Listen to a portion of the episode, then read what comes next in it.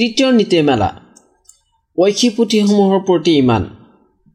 এইদৰে আল্লাহ তালা কিতাপসমূহৰ প্ৰতি ইমানৰ ক্ষেত্ৰত সংক্ষিপ্তভাৱে এইটো বিশ্বাস স্থাপন কৰিব লাগিব যে আল্লাহ তালা তেওঁৰ সত্যতা ঘোষণা কৰাৰ উদ্দেশ্যে আৰু ইয়াৰ প্ৰতি মানুহক আহ্বান জনোৱাৰ বাবে তেওঁৰ নবী আৰু ৰাছুলসকলৰ ওপৰত বহুসংখ্যক কিতাপ অৱতীৰ্ণ কৰিছে।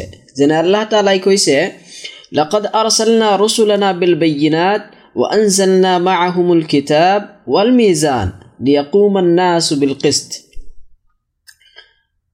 অৰ্থাৎ আমি আমাৰ ৰাচুলসকলক সুস্পষ্ট নিদৰ্শনৰ সৈতে পঠাইছোঁ আৰু তেওঁলোকৰ লগত পুথি আৰু ন্যায় নীতিৰ মানদণ্ড প্ৰেৰণ কৰিছোঁ যাতে মানুহে ন্যায় নিষ্ঠাৰ ওপৰত প্ৰতিষ্ঠিত থাকিব পাৰে।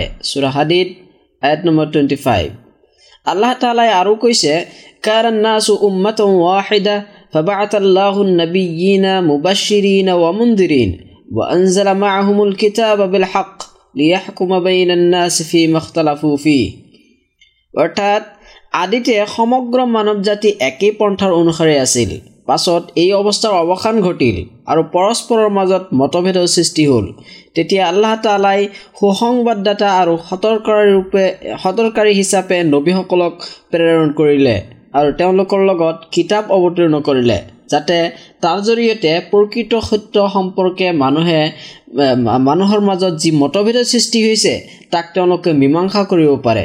চোৰাবাকাৰা আইট নম্বৰ টু হাণ্ড্ৰেড থাৰ্টিন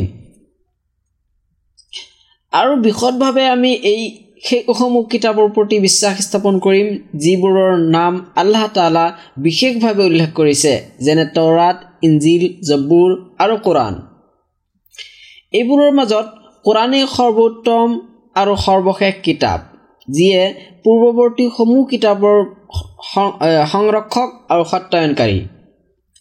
সকলো উম্মত ইয়াৰেই অনুসৰণ কৰিব লাগিব আৰু ৰাছুল্লাহ চাল্লাহ আলাইচাল্লামৰ পৰা বৰ্ণিত চহী হাদিছসহ ইয়াৰেই আদেশ মানিব লাগিব। কিয়নো আল্লাহ তালা তেওঁৰ নবী মহম্মদ চাল্লাহ আলহি ৱাচাল্লামক সমগ্ৰ জিন জাতি আৰু মানৱ জাতিৰ প্ৰতি ৰাছুল হিচাপে প্ৰেৰণ কৰিছে। আৰু তেওঁৰ প্ৰতি এই মহান কিতাপ অৰ্থাৎ কোৰাণ মাজিদ অৱতীৰ্ণ কৰিছে যাতে তেওঁ ইয়াৰ জৰিয়তে মানুহৰ মাজত ন্যায় বিচাৰ কৰিব পাৰে। আৰু আল্লাহ তালা এই কোৰাণক সিহঁতৰ অন্তৰত থকা যাৱতীয় বেধিৰ প্ৰতিকাৰ সিহঁতৰ প্ৰতিটো বিষয়ৰ স্পষ্ট প্ৰত্যুত্তৰ আৰু মুমিনসকলৰ বাবে হৃদায়ত আৰু ৰহমত স্বৰূপে অৱতীৰ্ণ কৰিছে। আল্লাহ তালাই কৈছে ৱাহাদা আনজাল্লাহু মুবাৰক অৰ্থাৎ আমিয়েই এই পুথি অৱতীৰ্ণ কৰিছোঁ আৰু ই এখন মহা কল্যাণকৰ পুথি। এইখনক অনুসৰণ কৰি চলা। আল্লাহক ভয় কৰা। সম্ভৱ তোমালোকে তোমালোকৰ ওপৰত আল্লাহে দয়া কৰিব। চুৰা নাম eight number one hundred fifty five. Allah তালাই আৰু কৈছে ৱানাজ্জালনা আলাইকাল কিতাব তিবিয়ানা লিকুল্লি শাই ونزلنا عليك الكتاب تبيانا لكل شيء وهدى ورحمة وبشرى للمسلمين অৰ্থাৎ আমি তোমাৰ প্ৰতি এই পুথি অৱতীৰ্ণ কৰিছোঁ যিখনে প্ৰতিটো বিষয় স্পষ্টকৈ বিশদভাৱে বৰ্ণনা কৰে আৰু যিখন মুছলমানসকলৰ বাবে পথ প্ৰদৰ্শক দয়া আৰু সুসংবাদস্বৰূপ চোৰানহাল eight number eighty nine Allah তালা আৰু কৈছে قل يا أيها الناس إني رسول الله إليكم جميعا الذي له ملك السماوات والأرض لا إله إلا هو يحيي ويميت فآمنوا بالله ورسوله النبي الأمي الذي يؤمن بالله وكلمته واتبعوه لعلكم تهتدون অৰ্থাৎ হে মানৱ মই তোমালোক সকলোৰে বাবে আল্লাহৰ প্ৰেৰিত ৰাচুল তেওঁ আকাশমণ্ডল আৰু পৃথিৱীৰ সাৰ্বভৌম অধিকাৰী। তেওঁৰ বাহিৰে আন কোনো উপাস্য নাই। তেওঁৱেই জীৱনদাতা আৰু তেওঁৱেই মৃত্যু প্ৰদান কৰে। সেয়ে তোমালোকে বিশ্বাস স্থাপন কৰা আল্লাহৰ প্ৰতি আৰু তেওঁৰ নিৰক্ষৰ নবীৰ প্ৰতি যিজনে আল্লাহ আৰু তেওঁৰ বাণীৰ প্ৰতি বিশ্বাস স্থাপন কৰে। আৰু তোমালোকে তেওঁক অনুসৰণ কৰা। সম্ভৱতঃ সুপদ লাভ কৰিবা। চোৰা Araf eight number one hundred fifty eight এই অৰ্থত বিপুল সংখ্যক আয়াত কৰণ মাজিদত অৱতীৰ্ণ হৈছে। এতিয়া হওক আমি আলোচনা কৰোঁ চতুৰ্থ নীতিমালা ৰাচুলসকলৰ প্ৰতি ইমান। আল্লাহৰ প্ৰেৰিত ৰাচলসকলৰ প্ৰতি সংক্ষিপ্ত আৰু বিস্তাৰিত ইমান আনিব লাগিব। সেয়ে আমি বিশ্বাস কৰোঁ যে আল্লাহ তালা তেওঁৰ নিজ বান্দাসকলৰ প্ৰতি সিহঁতৰ মাজৰ পৰা বহুসংখ্যক ৰাচুল সুসংবাদদাতা ভীতি প্ৰদৰ্শনকাৰী আৰু সত্যৰ পিনে আহ্বায়ক ৰূপে প্ৰেৰণ কৰিছে। যি ব্যক্তি তেওঁলোকৰ কথা মানি লৈছে সি সফল আৰু যিয়ে বিৰোধিতা কৰিছে সি হতাশা আৰু অনুশোচনাৰ স্বীকাৰ হৈছে। ৰাচুলসকলৰ মাজত সৰ্বশ্ৰেষ্ঠ আৰু সৰ্বশেষ নবী আমাৰ প্ৰিয় নবী মহম্মদ চল্লাহ আলি আছাল্লাম আল্লাহ তালাই কৈছে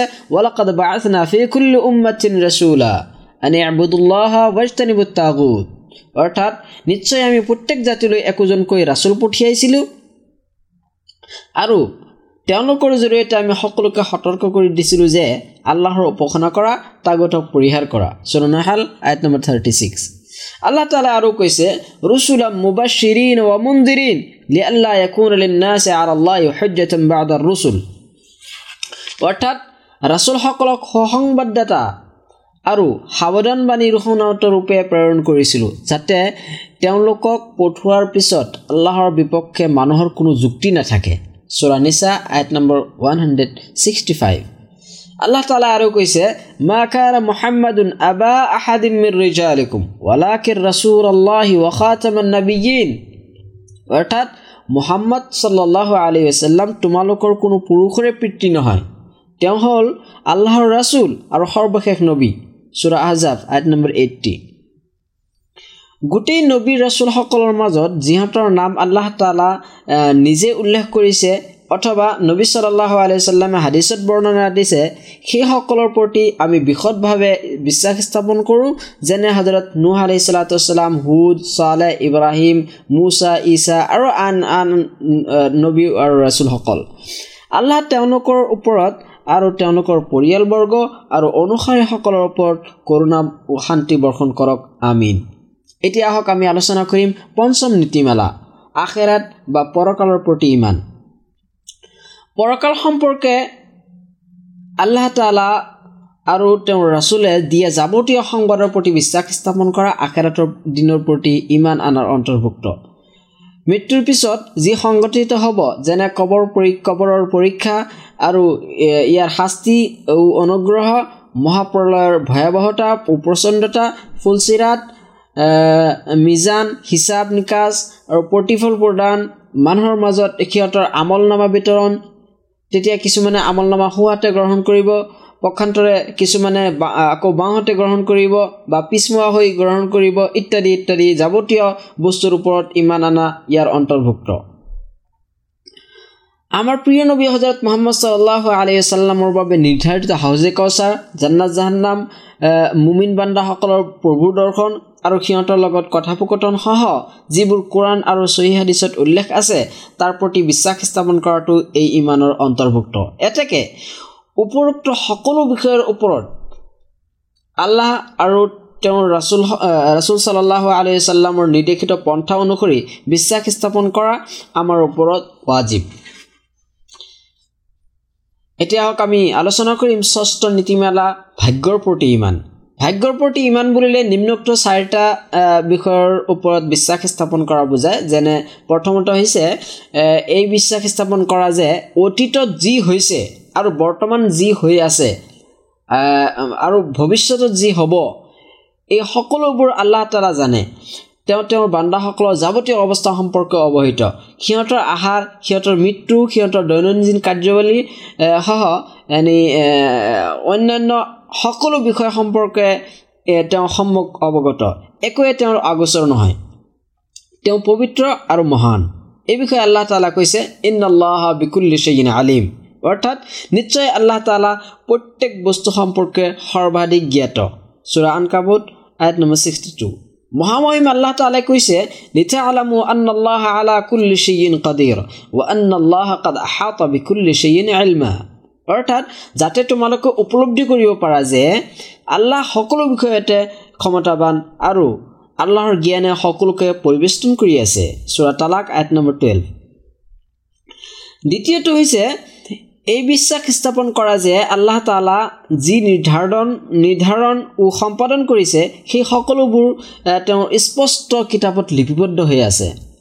এই বিষয়ে আল্লাহ তালাই কৈছে কদ আলিম মা কুচুল আৰ্দ মিনহুম। ৱাইনদানা কিতাবুন হাফিয়ত অৰ্থাৎ পৃথিৱীয়ে সিহঁতৰ দেহৰ পৰা কি সৰি নিয়ে সেয়া আমাৰ জনা আছে। আমাৰ ওচৰত এনে গ্ৰন্থ আছে য'ত সকলো কথা সংৰক্ষণ কৰা আছে। চুৰাকাহাফ আয়ত নম্বৰ ফ'ৰ আল্লাহ তালা আৰু কৈছে অকুল্লু মুবিন। অৰ্থাৎ আমি প্ৰতিটো বস্তু এটা স্পষ্ট কিতাপত সংৰক্ষিত কৰি ৰাখিছোঁ। চুৰাইয়াচিন আয়ত নম্বৰ টুৱেলভ আল্লাহ তালা আৰু কৈছে ألم تعلم أن الله يعلم ما في السماوات والأرض إن ذلك في كتاب إن ذلك على الله يسير অৰ্থাৎ তুমি নজানা নেকি যে আকাশ আৰু পৃথিৱীত যিবোৰ আছে সেইবোৰ আল্লাহে জানে এই সকলোবোৰ এখন পুথিত লিপিবদ্ধ হৈ আছে নিশ্চয় এয়া আল্লাহৰ পক্ষে অতি সহজ চোৰাহাজ আইট নম্বৰ ছেভেণ্টি তৃতীয় আল্লাহ তালাৰ কাৰ্যকৰী ইচ্ছাৰ প্ৰতি বিশ্বাস স্থাপন কৰা। তেওঁ যিটো ইচ্ছা কৰে সেইটো হয় আৰু যিটো ইচ্ছা নকৰে সেইটো নহয়। এই বিষয়ে আল্লাহ তালাই কৈছে ইন আল্লাহ আলু মা অৰ্থাৎ নিশ্চয় আল্লাহ যি ইচ্ছা কৰে তাকেই কৰে। চুৰাহাজ আইট নম্বৰ এইটিন আল্লাহ তালা আৰু কৈছে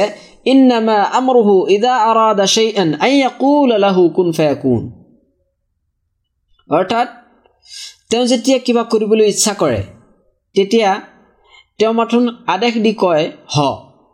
আৰু সেয়া হৈ যায়। চুৰে আছিন আয়ত নম্বৰ এইট্টি টু আল্লাহ তালা আৰু কৈছে অমা তেচা উনা ইল্লা আল্লাহ। তেচা ইল্লা আল্লাহ আলমিন। অৰ্থাৎ তোমালোকৰ ইচ্ছাৰে একো নহয় যেতিয়ালৈকে বিশ্বজগতৰ প্ৰভু আল্লাহে ইচ্ছা নকৰে। চুৰা তাকবীৰ আয়ত নম্বৰ টুৱেণ্টি নাইন চতুৰ্থটো হৈছে এইটো বিশ্বাস স্থাপন কৰা যে সমগ্ৰ বিশ্বজগত আল্লাহ তালাৰ সৃষ্টি। তেওঁ ব্যতীত আন কোনো স্ৰষ্টা নাই আৰু কোনো প্ৰভুও নাই যেনে আল্লাহ তালাই কৈছে আল্লাহ হুখাৰে কুকুল্লি সেই বহু আলা কুল্লি সেই ৱকিল অৰ্থাৎ আল্লাহ প্ৰতিটো বস্তুৰে সৃষ্টিকৰ্তা আৰু তেওঁ এই প্ৰতিটো বস্তুৰে তত্বাৱধায়ক আৰু ব্যৱস্থাপক। চুৰাজুমাৰ আইট নম্বৰ ছিক্সটি টু আল্লাহ তালা আরো কৈছে ইয়া আইয়ুহান্নাস আলাইকুম মিনাস সামাই ওয়াল আরদ লা ইলাহা ইল্লা হুয়া তুফাকুন। হে জাতি তোমালোকৰ প্ৰতি আল্লাহৰ যিসমূহ অনুগ্ৰহ আছে সেয়া স্মৰণ কৰা আল্লাহৰ বাহিৰে আন কোনোবা সৃষ্টিকৰ্তা আছে নেকি যিজনে তোমালোকক আকাশ আৰু পৃথিৱীৰ পৰা জীৱিকা দান কৰে? তেওঁৰ বাহিৰে আন কোনো উপাস্য নাই। তেনেহ'লে কেনেকৈ তোমালোকে প্ৰতাৰিত হৈছে? চুৰা ফাতিৰ আইট নম্বৰ থ্ৰী।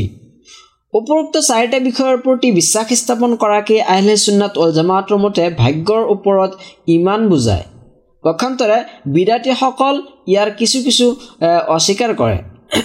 উল্লেখ্য যে উল্লেখযোগ্য যে আল্লাহৰ ওপৰত বিশ্বাস স্থাপন কৰাৰ মাজত এই বিশ্বাসৰ অন্তৰ্ভুক্ত যে কথা আৰু কাৰ্য উভয়ৰ নাম ইমান। যিটো পুণ্যৰ দ্বাৰা বৃদ্ধি হয় আৰু পাপ কাৰ্যৰ দ্বাৰা হ্ৰাস পায়।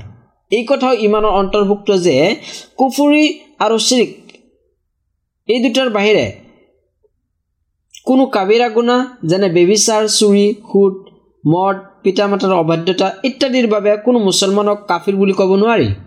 যেতিয়ালৈকে সি এইবোৰ হালাল বুলি নাভাবিব আল্লাহ তালা আৰু কৈছে ইন আল্লাহ কাবিহি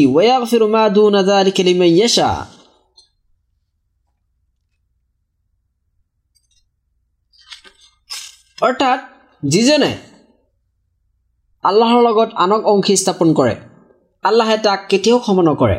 ইয়াৰ বাহিৰে আন যিকোনো দুখ যাক ইচ্ছা আল্লাহে তাক ক্ষমা কৰি দিব পাৰে। চোৰানিচা আইট নম্বৰ ওৱান হাণ্ড্ৰেড ছিক্সটিন দ্বিতীয় প্ৰমাণ হ'ল ৰাছুল্লাহ চাল্লাহ আলি চাল্লামৰ পৰা একাধিক মোটোৱাদীৰ অৰ্থাৎ অধিক বৰ্ণিত হাৰিছত বৰ্ণিত হৈছে যে আল্লাহ তালা পৰকালত এনে লোককো জাহান্নমৰ জুইৰ পৰা মুক্তি দিব যাৰ অন্তৰত সৰিয়হৰ দানা পৰিমাণে ইমান থাকিব। আল্লাহৰ বাবে প্ৰীতি ভালপোৱা বিদেশ বন্ধুত্ব আৰু শত্ৰুতা পোষণ কৰা আল্লাহৰ ইমানৰ আল্লাহৰ প্ৰতি ইমানৰ অন্তৰ্ভুক্ত। এতেকে মুমিন ব্যক্তি এজনে আনজনক মহাব্বত কৰিব আৰু তেওঁলোকৰ প্ৰতি তেওঁলোকৰ লগত সম্প্ৰীতি বজাই ৰাখিব। আনহাতে তেওঁ কাফিৰসকলৰ প্ৰতি বিদেশ পোষণ কৰিব আৰু সিহঁতৰ লগত বৈৰিতা বজাই ৰাখিব। মুছলিম উম্মাৰ ভিতৰত মুমিনসকলৰ মাজত শীৰ্ষস্থানত আছে ৰাছুল্লাহ চাল্লাহ আলাইচাল্লামৰ চাহাবীসকল। সেয়ে আহিলে চুন্নত উল জামাত তেখেতসকলৰ প্ৰতি সম্প্ৰীতি ও গভীৰ মহাব্বত পোষণ কৰে। লগতে এই কথাও বিশ্বাস বিশ্বাস কৰে যে এওঁলোক হৈছে নবীসকলৰ পিছত সৰ্বোত্তম মানৱ গোষ্ঠী নবী কৰিম চাল্লাহ আলাইচাল্লামে এই বিষয়ে কৈছে খাইৰুন্নাছ কৰ্ণী চুম্মাল্লাদিন এলু নাহোম চুম্মাল্লাদিন এলু নাহোম অৰ্থাৎ সৰ্বোত্তম মানৱ গোষ্ঠী মোৰ যুগৰ লোক মোৰ যুগৰ লোক। তাৰপিছত তেওঁলোকৰ পৰৱৰ্তী যুগৰ লোকসকল তাৰপিছত তেওঁলোকৰ পৰৱৰ্তী যুগৰ লোকসকল বুখাৰী মুছলিম। তেওঁলোকে আৰু বিশ্বাস কৰে যে এওঁলোকৰ মাজত সৰ্বোত্তম হৈছে হজৰতে আবু বকৰ সিদ্দিক ৰদি আল্লাহ তালা আনহু তাৰপিছত হজৰতে উমৰ ফাৰুক ৰদি আল্লাহ তালা আনহু তাৰপিছত হজৰতে উছমান জুন্নুৰাইন ৰদি আল্লাহ তালা আনহু তাৰপিছত হজৰতে আলী ৰদি আল্লাহ তালা আনহু। তেখেতসকলৰ পিছত তেখেতসকলৰ পিছত হৈছে জান্নাতৰ সুসংবাদপ্ৰাপ্ত আন আন চাহাবীসকল। আৰু তাৰপিছত হৈছে বাকীসমূহ চাহাবীসকলৰ স্থান। ৰদি আল্লাহু তালা আনহুম আজমাইন। আহিলে চুন্নত উল জামাত চাহাবীসকলৰ মাজত সংঘটিত বাদ বিসংবাদ সম্পৰ্কে কোনো ধৰণৰ মন্তব্যৰ পৰা সদায় আঁতৰত থাকে। তেওঁলোকে বিশ্বাস কৰে যে চাহাবীসকল সেই ক্ষেত্ৰত সেইসমূহ ক্ষেত্ৰত মুস্তাহিদ আছিল। যিহঁতৰ ইস্তেহাত সঠিক আছিল সিহঁতে দ্বিগুণ পুণ্যৰ অধিকাৰী আৰু যিহঁতৰ ইস্তেহাত ভুল আছিল তেওঁলোকে এক গুণ পুণ্যৰ অধিকাৰী। আহিলে চুন্নাত ৱাল জামাত ৰাছুল্লাহ চাল্লাহ আলিয়াল্লামৰ প্ৰতি বিশ্বাসী আৰু তেওঁৰ বংশধৰসকলক ভাল পায়। লগতে তেওঁলোকৰ প্ৰতি ভক্তি প্ৰদৰ্শন কৰে। তেওঁলোকে মুমিনসকলৰ মাতৃকুল ৰাছুল্লাহ চাল্লাহ আলিয়াল্লামৰ স্ত্ৰীসকলক ভক্তি কৰে আৰু তেওঁলোকৰ সকলোৰে বাবে আল্লাহৰ সন্তুষ্টি কামনা কৰে। এইদৰে আহিলে চুন্নাত ৱাল জামাতৰ লোকসকলে ৰাফিজি অৰ্থাৎ চিয়াসকলৰ নীতিৰ পৰা নিজকে মুক্ত ৰাখে। ৰাফিজিসকলে ৰচুল্লাহ চাল্লাহ আলাইচাল্লামৰ চাহাবাসকলৰ প্ৰতি বিদেশ পোষণ কৰে আৰু তেওঁলোকক গালি সপনি কৰে। গালি সপনি পাৰে আনহাতে সিহঁত আহিলে বায়াতৰ প্ৰতি ভক্তি প্ৰদৰ্শনত সীমা অতিক্ৰম কৰে। আৰু আল্লাহে তেওঁলোকক যি মৰ্যাদা প্ৰদান কৰিছে তাত সিহঁতে সীমালংঘন কৰে। ঠিক এনেদৰে আহিলে চুন্নাত অল জামাতে সেই সকলো নাচিব নাচিবি এটা বিশেষ দল তেওঁলোকৰ নীতিৰ পৰাও নিজকে মুক্ত ৰাখে। যিহঁতে কোনো কোনো কথা আৰু কাৰ্যৰ দ্বাৰা আহিলে বায়াতক যন্ত্ৰণা প্ৰদান কৰে। আমি এই সংক্ষিপ্ত আলোচনাত যি উল্লেখ কৰিছোঁ সকলো সেই বিশুদ্ধ আকিদা বা ধৰ্ম বিশ্বাসৰ অন্তৰ্ভুক্ত যিটো প্ৰদান কৰি আল্লাহ তালা তেওঁৰ প্ৰিয় ৰাছুল মহম্মদ চাল্লাহ আলী আছাল্লামক প্ৰেৰণ কৰিছিল। এইটোৱে মুক্তিপ্ৰাপ্ত দল আহিলে চুন্নত অল জামাতৰ ধৰ্ম বিশ্বাস ইয়াৰ বিষয়ে ৰাছুল্লাহ চাল্লাহ আলাইচাল্লামে ভৱিষ্যতবাণী দি কৈছে লা তাজাল উম্মাতি আলাল হাক মনচুৰাতুন লা ইয়াদুৰৰুহুম মান খাদালাহুম হাত্তা ইয়াতি আমৰুল্লাহ তাআলা। মোৰ উন্মতৰ এটা দল সদায় সত্যৰ ওপৰত সাহায্যপ্ৰাপ্ত হৈ প্ৰতিষ্ঠিত থাকিব। কিয়ামত নোহোৱালৈকে কোনো ষড়যন্ত্ৰকাৰীৰ ষড়যন্ত্ৰই তেওঁলোকক কোনো ক্ষতি কৰিব নোৱাৰিব। তেখেত চল্লাহ আলাইচাল্লামে আৰু কৈছে ইফতাৰকাতিল য়াহুদ আলা ইহদা ৱা চাবঈনা ফিৰকা ৱাফতাৰকাতিন নাছাৰা আলা ثنتي وسبعين فرقة وستفترق هذه الأمة على ثلاث وسبعين فرقة كلها في النار إلا واحدة فقال الصحابة رضي الله تعالى عنهم من هي يا رسول الله صلى الله عليه وسلم قال من كان على مثل ما أنا عليه ৱা আসহাবি। অৰ্থাৎ য়াহুদী সম্প্ৰদায় এক এসত্তৰটা দলত মানে বিভক্ত হৈছে আৰু খ্ৰীষ্টানসকল বাহাত্তৰটা দলত বিভক্ত হৈছে আৰু আমাৰ এই উম্মত তিহাত্তৰটা দলত বিভক্ত হ'ব। তাৰ মাজত এটাই মুক্তিপ্ৰাপ্ত দল আৰু আন সকলোৱে জান্নাত জাহান জাহান্নামত প্ৰৱেশ কৰিব। চাহাবিসকলে প্ৰশ্ন কৰিলে হি আল্লাহৰ ৰচুল চাল্লাহ আলি চাল্লাম সেইটো কোনটো দল? উত্তৰত তেওঁ ক'লে যিটো দল মোৰ আৰু মোৰ চাহাবাসকলৰ নীতিৰ ওপৰত প্ৰতিষ্ঠিত থাকিব মুছলিম আহমদ আবু দাউদ। এই নীতিয়ে হৈছে সেই আকিদা বা বিশ্বাস যাৰ ওপৰত দৃঢ়ভাৱে অটল থকা আৰু তাৰ পৰিপন্থী বিষয় বিষয়ৰ পৰা সতৰ্ক থকা সকলোৰে বাবে অপৰিহাৰ্য।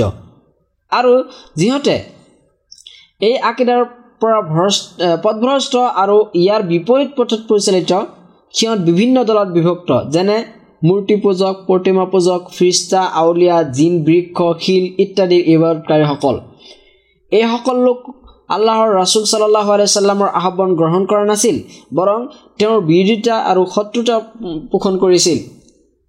উদাহৰণস্বৰূপে কুৰাইছ আৰু বিভিন্ন আৰৱ গোত্ৰৰ লোকসকলে আমাৰ প্ৰিয় নবী হজৰত মহম্মদ চাল্লাহ আলাইচাল্লামৰ লগত যি আচৰণ কৰিছিল সেয়া নজনা কথা নহয়।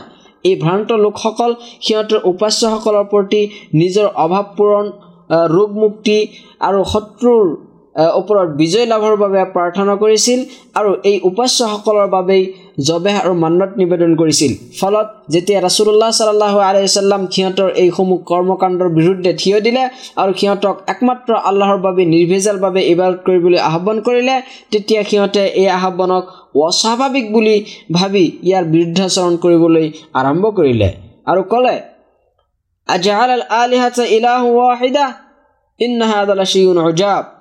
অৰ্থাৎ ই সকলো উপাস্য এৰি মাত্ৰ এজনহে উপাস্য কৰি লৈছে নেকি? বাস্তৱিকতে এইটো এটা অদ্ভুত কথা। চোৰাচত আঠ নম্বৰ ফাইভ ৰাছুল্লাহ চাল্লাহ আলাইচাল্লাম সিহঁতক আল্লাহৰ প্ৰতি আহ্বান কৰিয়েই থাকিলে আৰু চিৰিকৰ পৰা ভীতি প্ৰদৰ্শন আৰু সিহঁতৰ ওচৰত চিয় আহ্বানৰ মূল তত্ত্ব বিশ্লেষণত আত্মনিয়োগ কৰিলে। যাৰ ফলত আল্লাহে সিহঁতৰ কিছুসংখ্যক লোকক হৃদায়ত প্ৰদান কৰিলে আৰু তাৰপিছত সিহঁতে দলে দলে আল্লাহৰ দিনত প্ৰৱেশ কৰিলে।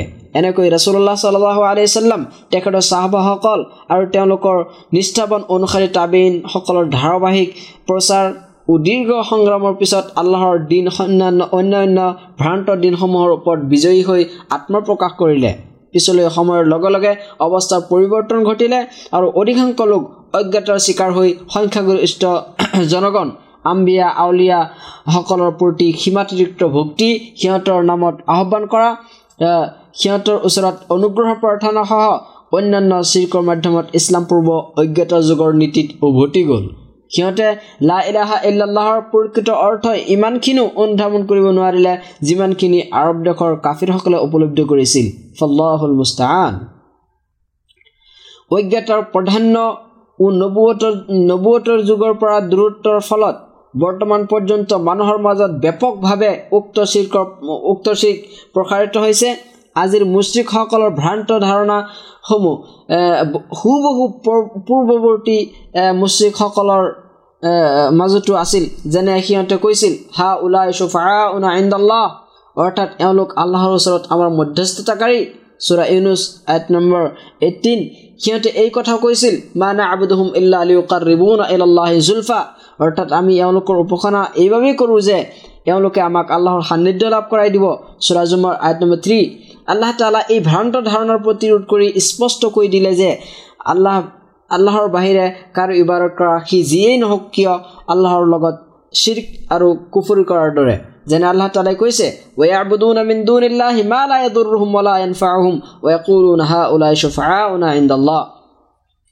অৰ্থাৎ সিহঁত আল্লাহৰ বাহিৰে এনে বস্তুৰ উপাসনা কৰে যিটো সিহঁতৰ ক্ষতিও কৰিব নোৱাৰে আৰু উপকাৰো উপকাৰো কৰিব নোৱাৰে। তথাপিও সিহঁতে কয় যে এইবোৰ আল্লাহৰ ওচৰত আমাৰ মধ্যস্থতাকাৰী। চোৰাইনুছ আইট নম্বৰ এইটিন আল্লাহ তালা সিহঁতৰ বক্তব্য নাকচ কৰি কয় কুল আচনা বিউন আল্লাহ বিমা লাই আলম ফিছামাৱাত ৱালা ফিল আম্মা ইশৰিকুন অৰ্থাৎ সেই মহম্মদ চাল্লাহ আলাইচাল্লাম সিহঁতক কোৱা তোমালোকে আল্লাহক তোমালোকে আল্লাহক আকাশমণ্ডল আৰু পৃথিৱীৰ এনে কোনো সংবাদ সুসংবাদ দিবা নেকি? যি বিষয়ে তেওঁ নাজানে তেওঁ অতি মহান পবিত্ৰ। সিহঁতে যিবোৰৰ লগত যিবোৰৰ লগত তেওঁক অংশী কৰিছে তাতোকৈ তেওঁ বহু উৰ্ধত চোৰা ইউনুছ আয়ত নম্বৰ এইটিন এই আয়তত আল্লাহ তালাই স্পষ্ট কৈ দিছে যে তেওঁ অৰ্থাৎ তেওঁৰ বাহিৰে কোনো ৱলি পৈগম্বৰ বা আন কাৰো ইবাদত কৰা মহাচিৰিক যদিও মুচিকসকলে ইয়াৰ বেলেগ নাম নিদিয়ক কিয়? আল্লাহ তালা আৰু কৈছে ৱল্লাদিন আত্তাখাদু মিন্দুনিহি আউলিয়া মা নাবুদুহুম ইল্লা লিউকাৰিবুনা ইলাল্লাহি জুলফা অৰ্থাৎ যিবিলাকে তেওঁৰ বাহিৰে আনক পৃষ্ঠপোষক হিচাপে মানি লৈছে সিহঁতে কয় আমি এওঁলোকৰ উপাসনা এইবাবেই কৰোঁ যে এওঁলোকে আমাক আল্লাহৰ সান্নিধ্য লাভ কৰাই দিব. চুৰাজুমৰ আইট নম্বৰ থ্ৰী আল্লাহ তালা আৰু কৈছে ইন আল্লাহ কাফাৰ অৰ্থাৎ যি বিষয়লৈ সিহঁতৰ মাজত মতভেদ হৈছে নিশ্চয় আল্লাহে সেয়া চূড়ান্তভাৱে মীমাংসা কৰি দিব।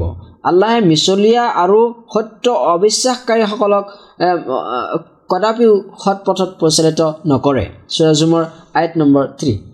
উপৰোক্ত বাণীৰ মাধ্যমত আল্লাহ তালা এই কথাটো স্পষ্ট কৰিছে যে দুৱা ভয়ভীতি আশা ভৰসা ইত্যাদি মাধ্যমত আল্লাহ ব্যতীত আন কাৰো ইবাদত কৰা মানে আল্লাহ তালাৰ লগত চিৰিক কৰা। আৰু সিহঁতৰ উপাস্যসকলে সিহঁতক আল্লাহৰ সান্নিধ্য লাভ কৰাই দিব এই কথাটো সিহঁতৰ এটা জঘন্যতম মিথ্যাৰ বাহিৰে আন একো নহয়। এতিয়া হওক আমি সংক্ষিপ্তভাৱে আলোচনা কৰিম বিশুদ্ধ আকিদাৰ পৰিপন্থী বিষয়। প্ৰথমতে আমি আলোচনা কৰিম নাস্তিকতাবাদ। বিশুদ্ধ আকিদাৰ পৰিপন্থী আৰু আল্লাহৰ ৰাচুলসকলে পৰিচালিত ধৰ্ম বিশ্বাসৰ বিৰোধী এটা মতবাদ হ'ল বৰ্তমান কালৰ নাস্তিকতা আৰু কুফুৰী ধ্বজাবাহী মাৰ্কছ লেনিন প্ৰমুখ পন্থীসকলৰ ভ্ৰান্ত মতবাদ। সিহঁতে ইয়াক সমাজতন্ত্ৰ কমিউনিজিম বা আন যিকোনো নামেৰে প্ৰচাৰ নকৰক কিয়? এইবোৰ নাস্তিকসকলৰ মূল মন্ত্ৰ হৈছে মাবুদ অৰ্থাৎ উপাস্য বোলোতে একোৱেই নাই। আৰু এই পাৰ্থিৱ জীৱন এটা বস্তুগত বিষয় মাত্ৰ। পৰকাল জান্নাত জাহান্নাম আৰু সকলো ধৰ্মৰ প্ৰতি অস্বীকৃতি সিহঁতৰ মৌলিক নীতিমালাৰ অন্তৰ্ভুক্ত। সিহঁতৰ কিতাপ পত্ৰ পৰ্যালোচনা কৰিলে এই কথা নিশ্চিতভাৱে উপলব্ধি কৰিব পাৰি যে নিঃসন্দেহে এইটো এটা ঐশী ধৰ্মৰ সম্পূৰ্ণ পৰিপন্থী মতবাদ যিটো দুনিয়া আৰু আখিৰাতত ইয়াৰ অনুসাৰীসকলক এক চৰম অশুভ পৰিণতিৰ দিশত পৰিচালিত কৰিছে। এইদৰে সত্যৰ পৰিপন্থী আৰু এটা মতবাদ হৈছে চুফিবাদ। কোনো কোনো বাতিনি ও চুফিবাদীসকলৰ এই বিশ্বাস যে তথাকথিত ৱালি এই সৃষ্টি জগতৰ ব্যৱস্থাপনাত আৰু নিয়ন্ত্ৰণত আল্লাহৰ অংশীয় হৈ আছে। সিহঁতে তেওঁলোকক কুটুব আওতাত গাউজ ইত্যাদি নামে অভিহিত কৰে। সিহঁত নিজেই এইবোৰ নাম উদ্ভৱ উদ্ভাৱন কৰিছে। আল্লাহৰ প্ৰভুত্বত এইটো এটা জঘন্যতম চিৰ আৰু এয়া ইছলাম পূৰ্ব অজ্ঞতাৰ যুগৰ চিৰিকতকৈ জঘন্য। কিয়নো আৰৱ দেশৰ কাফেৰসকলে আল্লাহৰ প্ৰভুত্বত চিৰিক কৰা নাছিল। সিহঁতে ইবাদত চিৰিক কৰিছিল আৰু এয়াও কৰিছিল মাত্ৰ সুখী অৱস্থাত। দুৰ্যোগ অৱস্থাত সিহঁতে ইবাদত আল্লাহৰ বাবে নিৰ্ভেজাল কৰি লৈছিল। যেনে আল্লাহ তালাই এই বিষয়টো স্পষ্ট কৰি কৈছে ফাইদা ৰাখিব ফিলকুল ফিলফুলকি দা আল্লাহ মুখলিচিন আলাহুদ্দিন ফালাম্মা নজ্জাহুম ইলাল বাৰ্ৰি ইদাহুম ইশৰিকুন অৰ্থাৎ এই মানুহবিলাকে যেতিয়া নাৱত আৰোহণ কৰে তেতিয়া সিহঁতে আল্লাহৰ ওচৰত ধৰ্মনিষ্ঠ হৈ বিশুদ্ধ চিত্তে একনিষ্ঠভাৱে প্ৰাৰ্থনা কৰে। কিন্তু তেওঁ সিহঁতক উদ্ধাৰ কৰি কামলৈ অনাৰ পিছতেই সিহঁতে তেওঁৰ লগত আনক অংশী কৰিবলৈ ধৰে। চোৰা আনকাবুত আইট নম্বৰ ছিক্সটি ফাইভ। প্ৰভুত্বৰ বিষয়ে কৰা প্ৰশ্নত সিহঁতে স্বীকাৰ কৰিছিল যে এয়া একমাত্ৰ আল্লাহৰে অধিকাৰ। এই বিষয়ে আল্লাহ তালা কৈছে ৱালা ইন চাহম মান খালা কহুম লেকুলান্নাল্লাহ অৰ্থাৎ আৰু তুমি যদি সিহঁতক সোধা যে কোনে সিহঁতক সৃষ্টি কৰিছে উত্তৰত সিহঁতে নিশ্চয় ক'ব আল্লাহ তালা চৰা জুখৰুফ আইট নম্বৰ এইটটি ছেভেন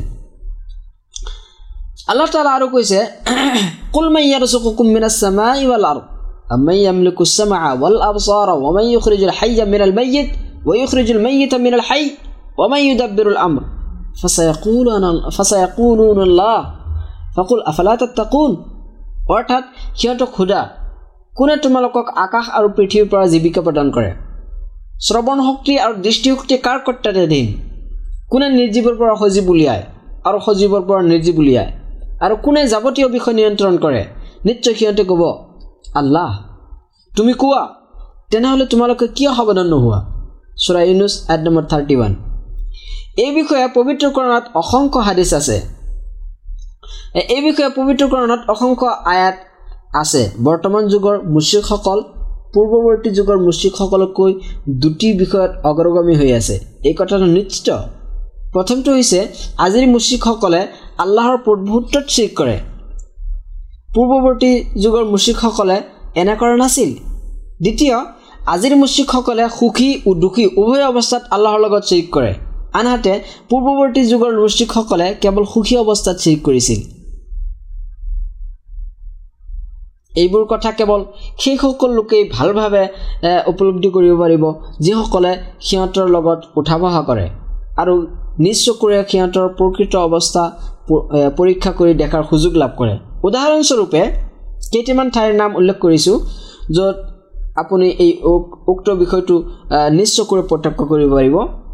যেনে মিছৰত অৱস্থিত হুছাইন বাদবীৰ কবৰত ইডেনত অৱস্থিত ইদ্ৰুছৰ কবৰত য়ামানত থকা আল হাদিৰ কবৰত চিৰিয়াত থকা ইবিনা আৰবীৰ কবৰত ইৰাকত থকা শ্বেখ আব্দুল কাদিৰ জিলানী কবৰসহ বিভিন্ন প্ৰসিদ্ধ সমাধিৰ ক্ষেত্ৰত আশে পাশে ক্ষেত্ৰৰ আশে পাশে দৈনন্দিন এই এই এইবোৰ ঘটনা ঘটিয়েই আছে। বিশেষভাৱে আমাৰ অসমবাসী ৰাইজে হাজোৰ পুৱামক্কা গুৱাহাটীৰ সিজুবাৰী মাজাৰ আৰু গোৱালপাৰা জিলাৰ জলেশ্বৰ ইত্যাদি ঠাইত এই চৰিত বিৰোধী কাৰুকাৰ্যবোৰ প্ৰত্যক্ষ কৰিব পাৰিব। এই ঠাইসমূহত সাধাৰণ লোকসকলে মৃত ব্যক্তিৰ প্ৰতি সীমাতিৰিক্ত ভক্তি প্ৰদৰ্শন কৰে আৰু সেইসমূহ ঠাইত আল্লাহৰ বহু অধিকাৰ বিনষ্ট কৰে। অথচ অতি কম সংখ্যক লোকেই ইয়াৰ বিৰুদ্ধে থিয় দি প্ৰকৃত তহিদৰ বাণী সিহঁতৰ ওচৰত উপস্থাপিত কৰাৰ সাহস কৰিছে। আৰু সিহঁতক জ্ঞাত কৰাব বিচাৰিছে যে তহিদৰ বাণীসহ আল্লাহ তালা তেওঁৰ প্ৰিয় নবী হজৰত মহম্মদ চাল্লাহ আলাইচাল্লাম আৰু তেওঁৰ পূৰ্বৱৰ্তী ৰাছুলসকলক প্ৰেৰণ কৰিছিল। ইন্নাৰিল্লাহি ৱা ইন্না ইলাহি ৰাজিউন নিশ্চয় আমি আৰু তেওঁৰ পিনেই আমি প্ৰত্যাগমন কৰিম আল্লাহৰ ওচৰত প্ৰাৰ্থনা কৰোঁ যে তেওঁ যাতে সেই সকলো লোকক সঠিক পথত উভতাই আনে আৰু সিহঁতৰ মাজত সৎ পথত আহ্বানকাৰীসকলৰ সংখ্যা বৃদ্ধি কৰে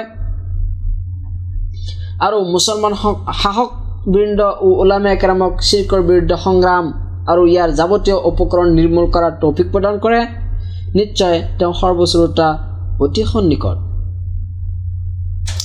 আল্লাহৰ গুণাৱলীৰ অস্বীকাৰ কৰা দলসমূহ। আল্লাহ তালাৰ নাম আৰু গুণাৱলীৰ ক্ষেত্ৰত সঠিক ধৰ্ম বিশ্বাসৰ পৰিপন্থী আৰু কিছুমান আৰু কিছুমান আকিদা হৈছে যেনে জাহমিয়া মৌতাজিলা আৰু সিহঁতৰ অনুসাৰী বিৰাটপন্থী সকলৰ মতবাদসমূহ। ইহঁত মহামহিম আল্লাহ তালাৰ প্ৰকৃত গুণাৱলীসমূহ অস্বীকাৰ কৰে। আৰু তেওঁক সুসম্পূৰ্ণ আৰু নিখুঁত গুণাৱলীৰ পৰা বিমুক্তি বিমুক্ত বুলি বিশ্বাস কৰে।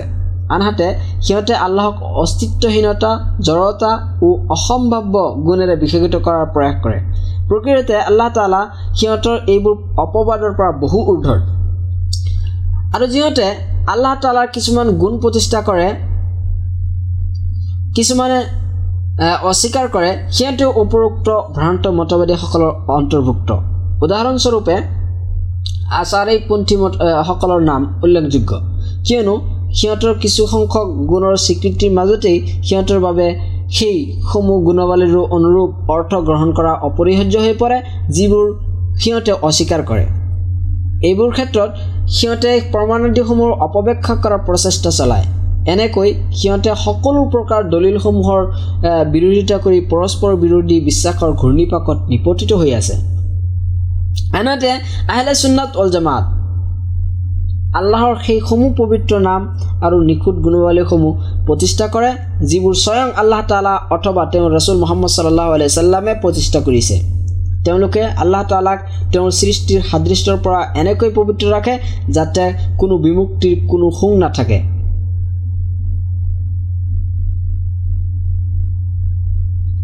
তেওঁলোকে আল্লাহ তালাক তেওঁৰ সৃষ্টিৰ সাদৃশ্যৰ পৰা এনেকৈ পবিত্ৰ ৰাখে যাতে গুণ বিমুক্তিৰ কোনো শুং নাথাকে। এইভাৱে তেওঁলোকে এই সম্পৰ্কে গোটেই প্ৰমাণীৰ ওপৰত আমল কৰাত সক্ষম হয় আৰু ইয়াৰ কোনো কোনো ধৰণৰ বিকৃতি বা তাতিল নকৰি পৰস্পৰ বিৰোধী বিশ্বাসৰ পৰা নিৰাপদ থাকে। এই বিশ্বাসেই দুনিয়া আৰু আখেৰাটত মুক্তি আৰু সৌভাগ্য লাভৰ একমাত্ৰ উপায়। আৰু এয়াই হৈছে সেই চিৰাতে মুস্তাকিম যাৰ পথিক আছিল পূৰ্বৱৰ্তী মুছলিম উম্মত আৰু তেওঁলোকৰ ইমামবৰ্গ এই কথাৰ চিৰসত্য যে পৰৱৰ্তী লোকসকল কেৱল সেই পথতেই পৰিশুদ্ধি হ'ব পাৰে যি পথত তেওঁলোকৰ পূৰ্বৱৰ্তী লোকসকলে পৰিশুদ্ধ হৈ গৈছে। আৰু সেই পথটো হৈছে একমাত্ৰ কোৰাণ হাদিছৰ অনুসৰণৰ মাজতেই নিহিত। ওচলাল্লাহ আলা নবীনা মুহাম্মদ ৱালা আলিহি ৱাচাহবিহি ৱামান ইত্তাবাল হুদা